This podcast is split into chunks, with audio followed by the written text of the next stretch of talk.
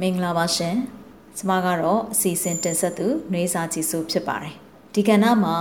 ကျမပြောပြပေးခြင်းတဲ့အကြောင်းအရာလေးတစ်ခုရှိပါတယ်အဲ့ဒါကတော့ကျမဘလို့ပုံစံမျိုးအပြည်ပြည်ဆိုင်ရာမတန်ဆွမ်းသူများနေ့တွေကိုဖျက်ဆီးခဲ့လေဒီအပြည်ပြည်ဆိုင်ရာမတန်ဆွမ်းသူများနေ့တွေကနေပြီးတော့မှကျမတို့ခန်းစားချက်လေးတွေဘလို့အပြောင်းလဲသွားစေသလဲဆိုတဲ့အကြောင်းအရာလေးကိုဝေမျှပေးမှာဖြစ်တဲ့အတွက်ဒီအစီအစဉ်ကိုအထူးသဖြင့် အဆုံးအထိနားထောင်ပေးဖို့အတွက်အထူးပဲမြတ်တရခံလိုပါတယ်တိုက်တိုက်ဆိုင်ဆိုင်ဒီဇင်ဘာလ3ရက်နေ့ကဒီနှစ်မှာစနေနေ့ကိုလာကြနေတာဖြစ်ပါတယ်အဲ့တော့လွန်ခဲ့တဲ့10နှစ်ကျော်တုန်းကတော့ကျမကမတန်ဆွမ်းသူများအရေးတွေမှာတစိမ့်တစ်ပိုင်းပါဝင်ရင်းတွေကနေပြီးတော့မှမတန်ဆွမ်းသူတွေဥဆောင်တဲ့အသင်းဖွဲ့တစ်ခုမှာဝန်တန်းအဖြစ်နဲ့အလုပ်လုပ်ခဲ့ရတဲ့ကာလလေးတွေရှိပါတယ် အဲ့ဒီကာလတွေတော့ဆိုလို့ရှိရင်ဒီဇင်ဘာလ3ရက်နေ့မတိုင်ခင်များသောအားဖြင့်ဒီဇင်ဘာလ2ရက်နေ့1ရက်နေ့စသဖြင့်အဲ့ဒီလိုနေ့တွေမှာကျမတို့တွေကခရီးထွက်ကြလိရှိပါတယ်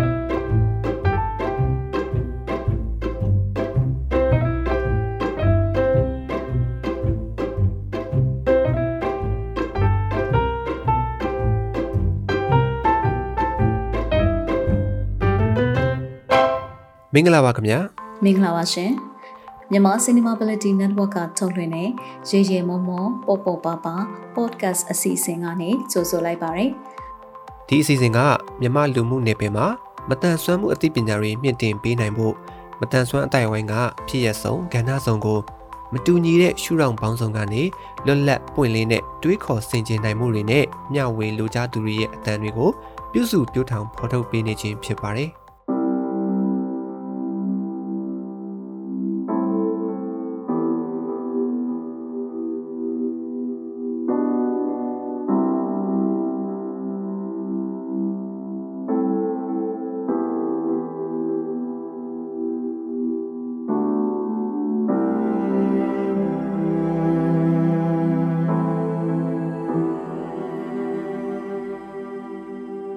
များစုကတော့နေပြည်တော်ကိုသွားကြတယ်။နေပြည်တော်မှာဒီဇင်ဘာလ3ရက်နေ့မနက်ပိုင်းမှာကျင်းပမယ်။အပြည်ပြည်ဆိုင်ရာမတန်ဆွမ်းသူများနေ့အခမ်းအနားကိုတက်ရောက်ကြတယ်။ဒီအခမ်းအနားတွေကိုအသင်းအဖွဲ့အနေနဲ့နှစ်တိုင်းဒီပါတွားရတဲ့အခမ်းအနားတွေရှိလာတယ်။အဲ့လိုရှိလာတဲ့အခါမှာကျမတို့မှတ်မိတာဆိုရင်နေပြည်တော်မြို့မဈေးရှိမှာတွားပြီးတော့အသိပညာပေးတဲ့တီဆိုဖြောပြမှုတွေပြောဆိုဟောပြောမှုတွေလုပ်ကြတာမျိုး နေပြည်တော်ရေပန်းဥယျာဉ်လိုနေရာမျိုးမှာညာဘက်သွားပြီးတော့မှအပန်းဖြေကြတာမျိုးစသဖြင့်ပေါ့နော်ကျမတို့လုပ်ခဲ့တဲ့ကဏ္ဍလေးတွေရှိတယ်အထူးသဖြင့်တော့နေပြည်တော်မြို့မစင်ရှေ့မှာဆိုလို့ရှိရင်ကျမတို့တွေက music band အလိုက်ပေါ့နော်ကျမတို့ခေါ်သွားပြီးတော့မှမြို့မစင်ရှေ့မှာဟောပြောတယ်တီးဆိုတယ်လူတွေဝိုင်းအောင်ကြည့်ကြတယ်အာ music တပုတ်နှစ်ပုတ်ပြီးသွားလိုက် အသိပညာပေးဟောပြောမှုလေး15မိနစ်လောက်လုပ်လိုက်စသဖြင့်ပေါ့နော်ဒီလိုပုံစံမျိုးနဲ့ပဲကျမတို့အများပြည်သူကိုအသိပညာပေးခဲ့တယ်ခုဆိုလို့ရှိရင်တော့နေပြည်တော်မှာလည်းတော်တော်များများနေရာတွေဟာ barrier free society ဖြစ်နေအကောင့်ထဲပေါ်လာတာကိုတွေ့ရတယ်အရင်တော့ကတော့ကျမတို့သွားတဲ့အခါမှာများသောအားဖြင့်ကျမတို့တဲရတာကနေပြီးတော့စီပင်အရိပ်တာမှာတဲကြတယ်ပြီးလို့ရှိရင် briefing ပေးတာပေါ့နော်ပြည်ပြည်ဆိုင်ရာမတန်ဆွမ်းသူများနေ့ကို တက်ရောက်လာကြတဲ့အမျိုးမျိုးသောနေရုံခွဲတွေကအမှုဆောင်တွေအသင်းဝင်တွေကိုကျမတို့တွေကအစီအစဉ်တွေရှင်းပြတာမျိုးဘယ်လိုပုံစံမျိုးပါဝင်ရမယ်ဘယ်လိုပုံစံမျိုးအာပူပေါင်းဆောင်ရွက်ရမယ်ဆိုတာမျိုးတွေကျမတို့တွေ briefing ပေးရတဲ့ကာလတွေရှိတယ်။အာပြီးလို့ရှိရင်ပြောစရာကောင်းတာလေးကကျမတို့အိမ်မှာဆိုလို့ရှိရင်အပြန်ကြားလို့ရှိရင်လည်း115မိုင်ရေရနာစခန်းမှာ ကျမတို့လက်ဆောင်လေးတွေဝယ်ပြီးတော့မှကိုယ့်ရဲ့ရန်ကုန်မှာရှိကြတဲ့ဆွေမျိုးသားချင်းတွေအတွက်အဲပြန်ပြီးတော့မှအမှတ်တရလေးတွေဝယ်ကြတယ်ပေါ့နော်ဒီလိုပဲအခြားသောတိုင်းနယ်ပြည်နယ်မှာရှိနေကြတဲ့မတန်ဆွမ်းအဖွဲ့အစည်းတွေကလည်းသူတို့ရဲ့ဒေတာတွေမှာသက်ဆိုင်ရာအခမ်းအနားတွေကိုသူတို့ပုံစံမျိုးစုံနဲ့ထူးထူးခြားခြားစ조사ကျင်းပကြတယ်ပေါ့နော်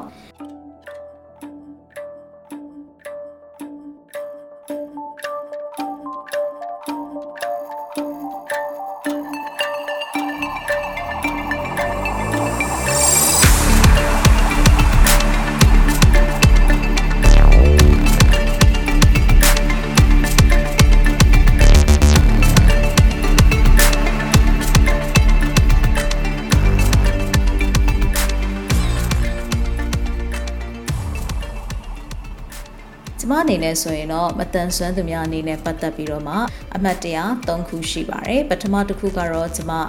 ပြည်ပြည်ဆိုင်ရာမတန်ဆွမ်းသူများနေရာနှစ်အလိုက်သူကစောင်းပုတ်ကလေးတွေထွက်တယ်ပေါ့တကယ် original ထွက်တဲ့ဆောင်ပုတ်ကတော့ UN ကထုတ်တဲ့ဆောင်ပုတ်ဖြစ်တဲ့အတွက်အင်္ဂလိပ်ဘာသာစကားနဲ့ဖြစ်တယ်ဒါကိုဘာသာပြန်အနေနဲ့ရှင်ပြိုင်ဖို့အတွက်ဖိတ်ခေါ်တဲ့အခါမှာကျွန်မဝင်ပြိုင်ဘူးတယ်အဲ့တော့တခါ2010နောက်ပိုင်းအရွေးခံရဘူးတယ်ပေါ့နော် ကျွန်မခုနှစ်တောင်သိမ့်မမှတ်မိတော့ဒါပေမဲ့ကျွန်မမှတ်မိတာက2012ခုနှစ်မှာတော့ကျွန်မကဆောင်းပါးမှာပထမဆူရခဲ့တယ်အဲအဲ့ဒီမှာတော့ကျွန်မက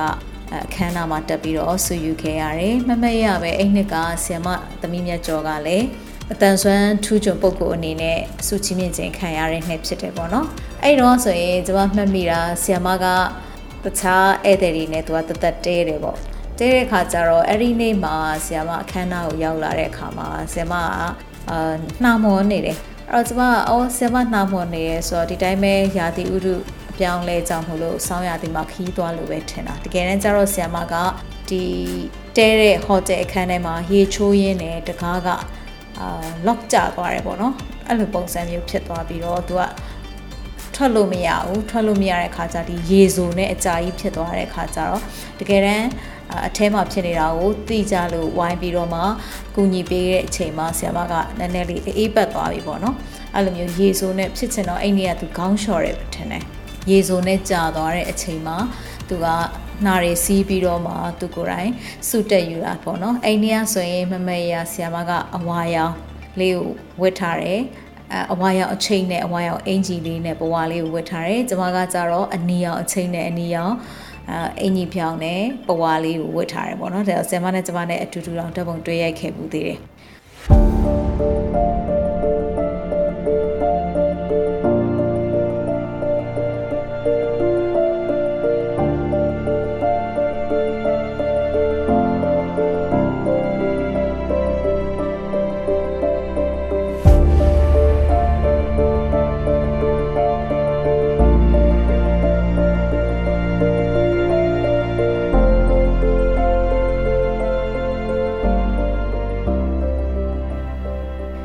ဒီနောက်ပိုင်းလဲဆီယမနဲ့ပတ်သက်တဲ့အမှတ်တရတွေရှိခဲ့ပူပါတယ်အဲ့ဒါကတော့ဆီယမက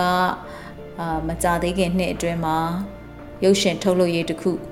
ထောင်လိုက်တယ်ပေါ့နော်အထူးသဖြင့်တော့သူမရဲ့ခင်မောဖြစ်တဲ့ director အောင်မင်းသိန်းနဲ့ပတ်သက်ပြီးတော့မှကိုရိုင်းရိုက်တဲ့ရုပ်ရှင်ကိုထုတ်လုပ်ဖို့အတွက် production ပေါ့ရုပ်ရှင် production ထောင်တဲ့အခါမှာဆီယမပေးတဲ့နာမည်လေးက December 3ဆိုတဲ့နာမည်လေးကိုကျွန်မအခုချိန်ထိရင်ထဲမှာစွဲနေတယ်ပေါ့နော်ဆီယမဘယ်လောက်ထိ ပြည်ပြည်ဆိုင်ရာမတန်ဆွမ်းသူများနေ့အပေါ်မှာဆွဲဆွဲလန်းလန်းရှိလဲဆိုတာပြီးလို့ရှိရင်ဒီခင်မောနယ်ဖြစ်တဲ့အမှုပညာရှင်ရဲ့ပါရမီကိုဘလောက်ပဲတည်ဆုံးသွားတာကြာနေပေမဲ့သူ့စိတ်ထဲမှာအမြဲတမ်းရှင်သန်နေလဲဆိုတာကိုကျွန်မခံစားမိတယ်ပေါ့နော်အဲ့တော့ဒီ December 3နဲ့ပတ်သက်တဲ့ဆီယာမရဲ့ production နာမည်လေးကလည်းအမှတ်တရတစ်ခုအနေနဲ့ကျွန်မစီမရှိခဲ့တယ်ပေါ့နော်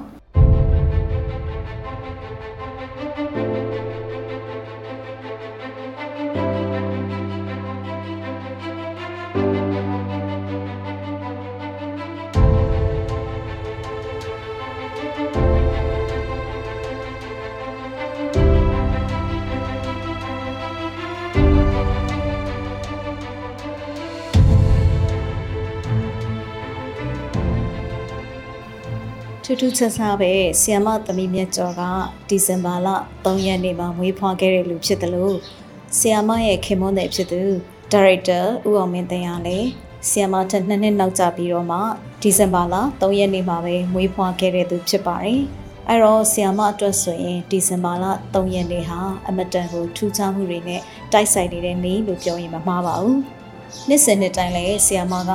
ဒီဇင်ဘာလ3ရက်နေ့ရောက်တိုင်းခင်မွန်းတဲ့အတွက် တဘာရင်းရည်စူးပြီးတော့မှအလှအတန်းကုသိုလ်ကောင်းမှုတွေပြုလုပ်တာမြင်ရတိုင်းကျမအနေနဲ့ဆီယမရဲ့ဒီဇင်ဘာ3ရက်နေ့အပေါ်မှာရှိတဲ့အမျက်တနိုးတန်ဖိုးထားမှုတွေအမှတ်တရတွေကိုကျမအနေနဲ့လည်းကူးဆက်ခံစားမိခဲ့ပါတယ်။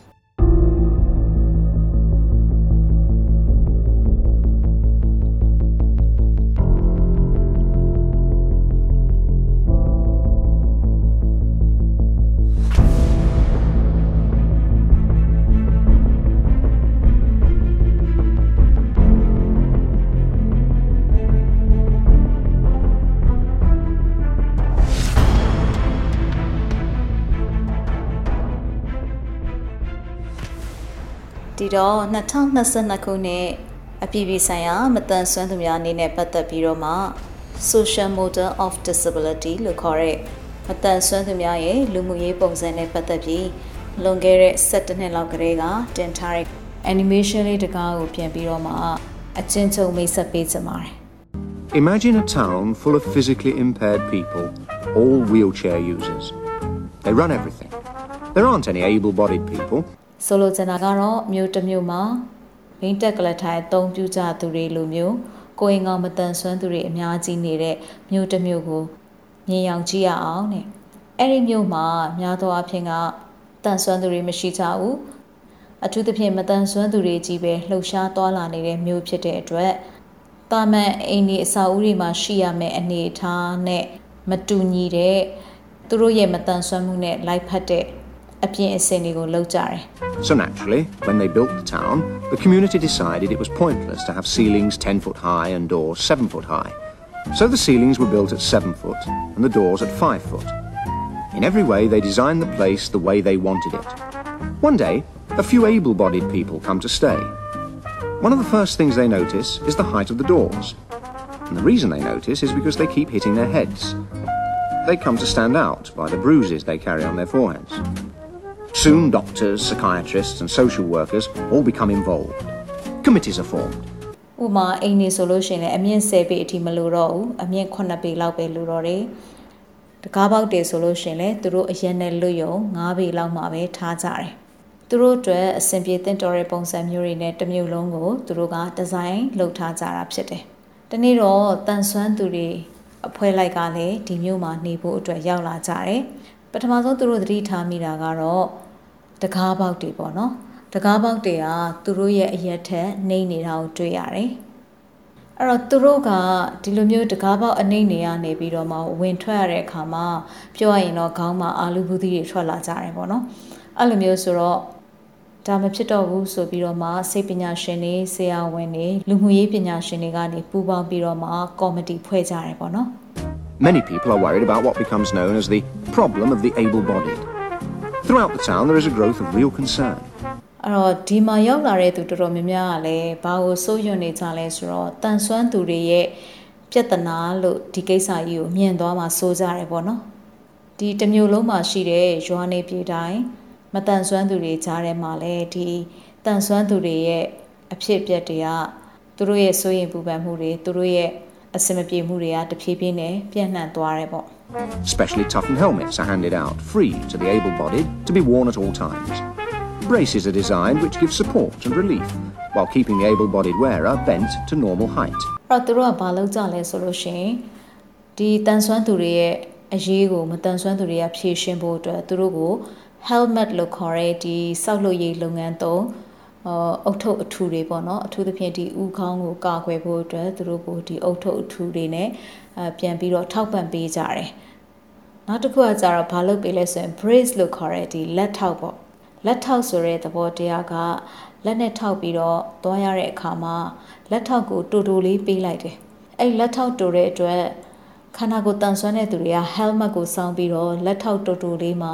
လက်ကိုထောက်လိုက်လို့ရှိရင်သူတို့ရဲ့ခါးကကုန်းသွားတယ် ဒါဆိုလို့ရှိရင်သူတို့ရဲ့ငါးပေနဲ့ဖောက်ထားတဲ့တကားပေါက်မှာသူတို့ရဲ့ခန္ဓာကိုယ်ကအဆင်ပြေပြေနဲ့ဝင်သွားနိုင်မယ်ဆိုပြီးတော့မှသူတို့ကိုပြုပြင်ပေးလိုက်ကြတယ်ပေါ့နော် Various groups of compassionate wheelchair users get together and form registered charities. Every quarter they have a collection day. Upturned helmets are left in pubs and shops for people to drop their small change into. အဲ့တော့ wheelchair အသုံးပြုကြတဲ့မတန်ဆွမ်းသူတွေကလည်းခေါင်းစဉ်အမျိုးမျိုးနဲ့ရန်ပုံငွေတွေရှာကြတယ်ပေါ့အဲ့ဒါပါလဲဆိုတော့မတန်ဆွမ်းဖြစ်နေတဲ့တန်ဆွမ်းသူတွေကိုပြန်ပြီးတော့မှထောက်ပံ့ကူညီဖို့အတွက်ဖြစ်တယ်ပေါ့နော်ဥပမာဒီအလံလေးတွေကိုဝယ်ရင်မတန်ဆွမ်းဖြစ်နေတဲ့တန်ဆွမ်းသူတွေကိုထောက်ပံ့ပြီးသားဖြစ်တယ်ဆိုတဲ့ပုံစံမျိုးတွေနဲ့သူတို့ကရန်ပုံငွေရှာကြတယ်ပေါ့နော်အဲ့တော့ဒီ helmet ကိုပဲစောက်လို့ရေးလုပ်ငန်းသုံးအောက်ထုတ်ကိုပဲ သူတို့ကနေပြီးတော့မှအအများပြည်သူဝင်ထွက်သွားလာတဲ့အရက်ဆိုင်တွေတို့ဈေးဆိုင်တွေတို့နေရာမှာသွားပြီးတော့သူတို့ကထားတယ်ထားပြီးလို့ရှရင်ကုညီကြပါအမင်းရဲ့ရေရောမှုอ่ะဆိုလို့ရှရင်မတန်ဆွမ်းဖြစ်နေတဲ့တန်ဆွမ်းသူတွေအတွက်ပါဆိုပြီးတော့မှဒီလိုပုံစံမျိုးအလှခံပြီးတော့မှဝင်ငွေတိုးအောင်လုပ်လာတာမျိုးတွေတွေ့ရတယ်ပေါ့နော် There is talk of founding special homes. But then one day, it dawns on the able bodied that there is nothing actually wrong with them, just that society excludes them. အဲ့ဒီကရတဲ့ရန်ပုံငွေနဲ့လေသူတို့ကထူးထူးခြားခြားပေါ့နော်ဒီမတန်ဆွမ်းဖြစ်နေတဲ့တန်ဆွမ်းသူတွေကို special homes လို့ခေါ်တဲ့အိမ်ယာကေဟာတွေထူထောင်ဖို့အတွက်မတန်ဆွမ်းဖြစ်နေတဲ့တန်ဆွမ်းသူတွေကိုရည်ရွယ်ပြီးတော့မှအလှခံကြတယ်အဲ့တော့တဖြည်းဖြည်းနဲ့ မတန်ဆွမ်းဖြစ်နေတဲ့တန်ဆွမ်းသူတွေဟာလူအဖွဲ့အစည်းကနေဘေးရောက်ရောက်သွားတယ်လို့လူအဖွဲ့အစည်းကနေလွဲချော်သွားတယ်တကယ်တော့သူတို့မှာဘာမှအမှားယွင်းမရှိဘူးဆိုတဲ့ပုံစံမျိုးကိုမြင်ရတယ်ပေါ့နော်အဲ့တော့နောက်ဆုံးမှာတော့တန်ဆွမ်းသူတွေဟာစိုင်းပုတ်တွေကင်ပြီးတော့မှသူတို့အတွက်ဒန်းတူညီများအခွင့်အရေးတွေလှုံ့ဆော်ပေးဖို့သူတို့ရဲ့အဖြစ်တွေကိုကူညီပေးဖို့စသဖြင့်ပေါ့နော် သူတို့လည်းအုပ်စုလိုက်ဆန္ဒဖော်ထုတ်တဲ့အဆင့်ကိုရောက်သွားကြတယ်ပေါ့နော်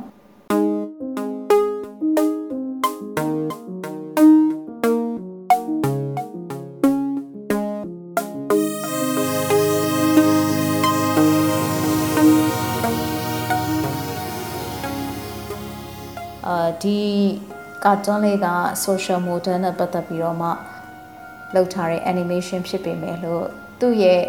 shoot down နဲ့တင်ပြပုံဟာဖြောင်းမြန်လှန်ပြပေးထားတယ်။အထူးသဖြင့်မတန်ဆွမ်းသူတွေလူမှုအသိုက်အဝန်းမှာဝင်ဆက်နိုင်ဖို့အတားအဆီးဖြစ်နေတဲ့အရာတွေကို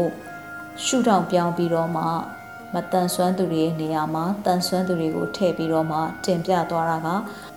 အရန်ကိုပညာသားပါပြီးတော့မှဆိုလိုရင်းကိုထီရောက်စေပါတယ်အဲ့တော့ဒီကာတွန်းလဲရလို့ပဲကျမတို့တန်ဆွမ်းသူတွေအနေနဲ့လည်းမတန်ဆွမ်းသူတွေနဲ့ပတ်သက်တဲ့အရေးတွေကိုကြားတိုင်း တန်ဆွမ်းသူတွေနဲ့မဆိုင်ဘူးလို့ထင်တတ်ကြတဲ့သူမျိုးတွေအတွက်ဆိုရင်ဒီလိုမျိုးကာတွန်းလေးကအမတန်ကိုအတိအမြင်ပြောင်းလဲသွားစေပါတယ်ဒါကြောင့်မို့လို့2022ခုနှစ်ဒီဇင်ဘာလ3ရက်နေ့မှာကြာရောက်မယ်အဖြစ်ဖြစ်ဆိုင်ရာမတန်ဆွမ်းသူများနေ့မှာလေ Transformative solutions for inclusive development. The role of innovation in fueling an accessible and equitable world. အားလုံးပါဝင်ဖွံ့ဖြိုးဖို့စမ်းသစ်တီထွင်အဖြေရှာစု အားလုံးလက်လန်းမီညီမျှရေးတီထွင်ဖန်တီးမှုစွမ်းအားဖြင့်ဆောင်ရွက်ပြီးဆိုတဲ့အတိုင်းကျမတို့ရဲ့လူမှုအတိုင်းအဝန်းမှာရှိနေတဲ့အမျိုးမျိုးသောမတန်ဆွမ်းသူတွေကိုစမ်းသစ်တီထွင်မှုတွေမိမိရဲ့လုပ်ငန်းကဏ္ဍအသီးသီးမှာထည့်သွင်းစဉ်းစားပြီးတော့စီမံလာနိုင်မယ်ဆိုလို့ရှိရင်မဝေးတော့တဲ့အနာဂတ်မှာကျမတို့မြန်မာနိုင်ငံမှာရှိတဲ့မတန်ဆွမ်းသူတွေဟာအခက်အခဲအတားအဆီးတွေကိုကြော်ဖြတ်နိုင်ပြီးအမိခိုကင်းတဲ့ အားလုံးအကျုံးဝင်တဲ့လူမှုအတိုင်းအဝန်းမှာတန်းတူဝန်ဆန့်ပျော်ရွှင်လာနိုင်မယ်လို့ကျွန်မယုံကြည်မျှော်လင့်ပါတယ်။မိတ်ဆွေတို့ရဲ့အသည့်အမြင်မှာတစုံတစ်ခုရသွားမယ်လို့ကျွန်မအနေနဲ့ယုံကြည်မျှော်လင့်ပါတယ်။ဘယ်သူမဆိုအချိန်မရွေးနေရာမရွေးအကြောင်းအရာမရွေးမတန်ဆွမ်းသူဖြစ်သွားနိုင်ပါတယ်။ဒါကြောင့်မတန်ဆွမ်းသူတွေဟာလူမှုအဖွဲ့အစည်းရဲ့တစ်စိတ်တစ်ပိုင်းသောသွေးသားတွေဖြစ်တဲ့အတွက် အမိခိုကင်းအောင်အကူအညီအထောက်ပံ့ဖြစ်အောင်လှုံ့ဆော်လာနိုင်မယ်လို့ယုံကြည်မျှော်လင့်ပါတယ်။ဒီကနေ့အစီအစဉ်ကတော့ဒီလောက်ပါပဲရှင်။အားလုံးကိုကျေးဇူးတင်ပါတယ်။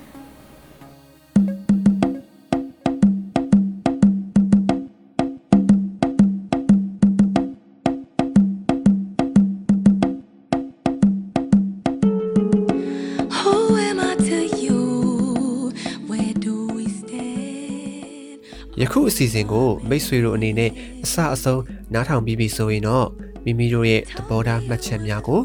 Anchor မှာအတန်နဲ့စာနှမျိုးလုံးနဲ့ဖြစ်စေ Facebook မှာစာနဲ့ဓာတ်ပုံနှမျိုးလုံးနဲ့ဖြစ်စေပေးနိုင်ပါပြီနော်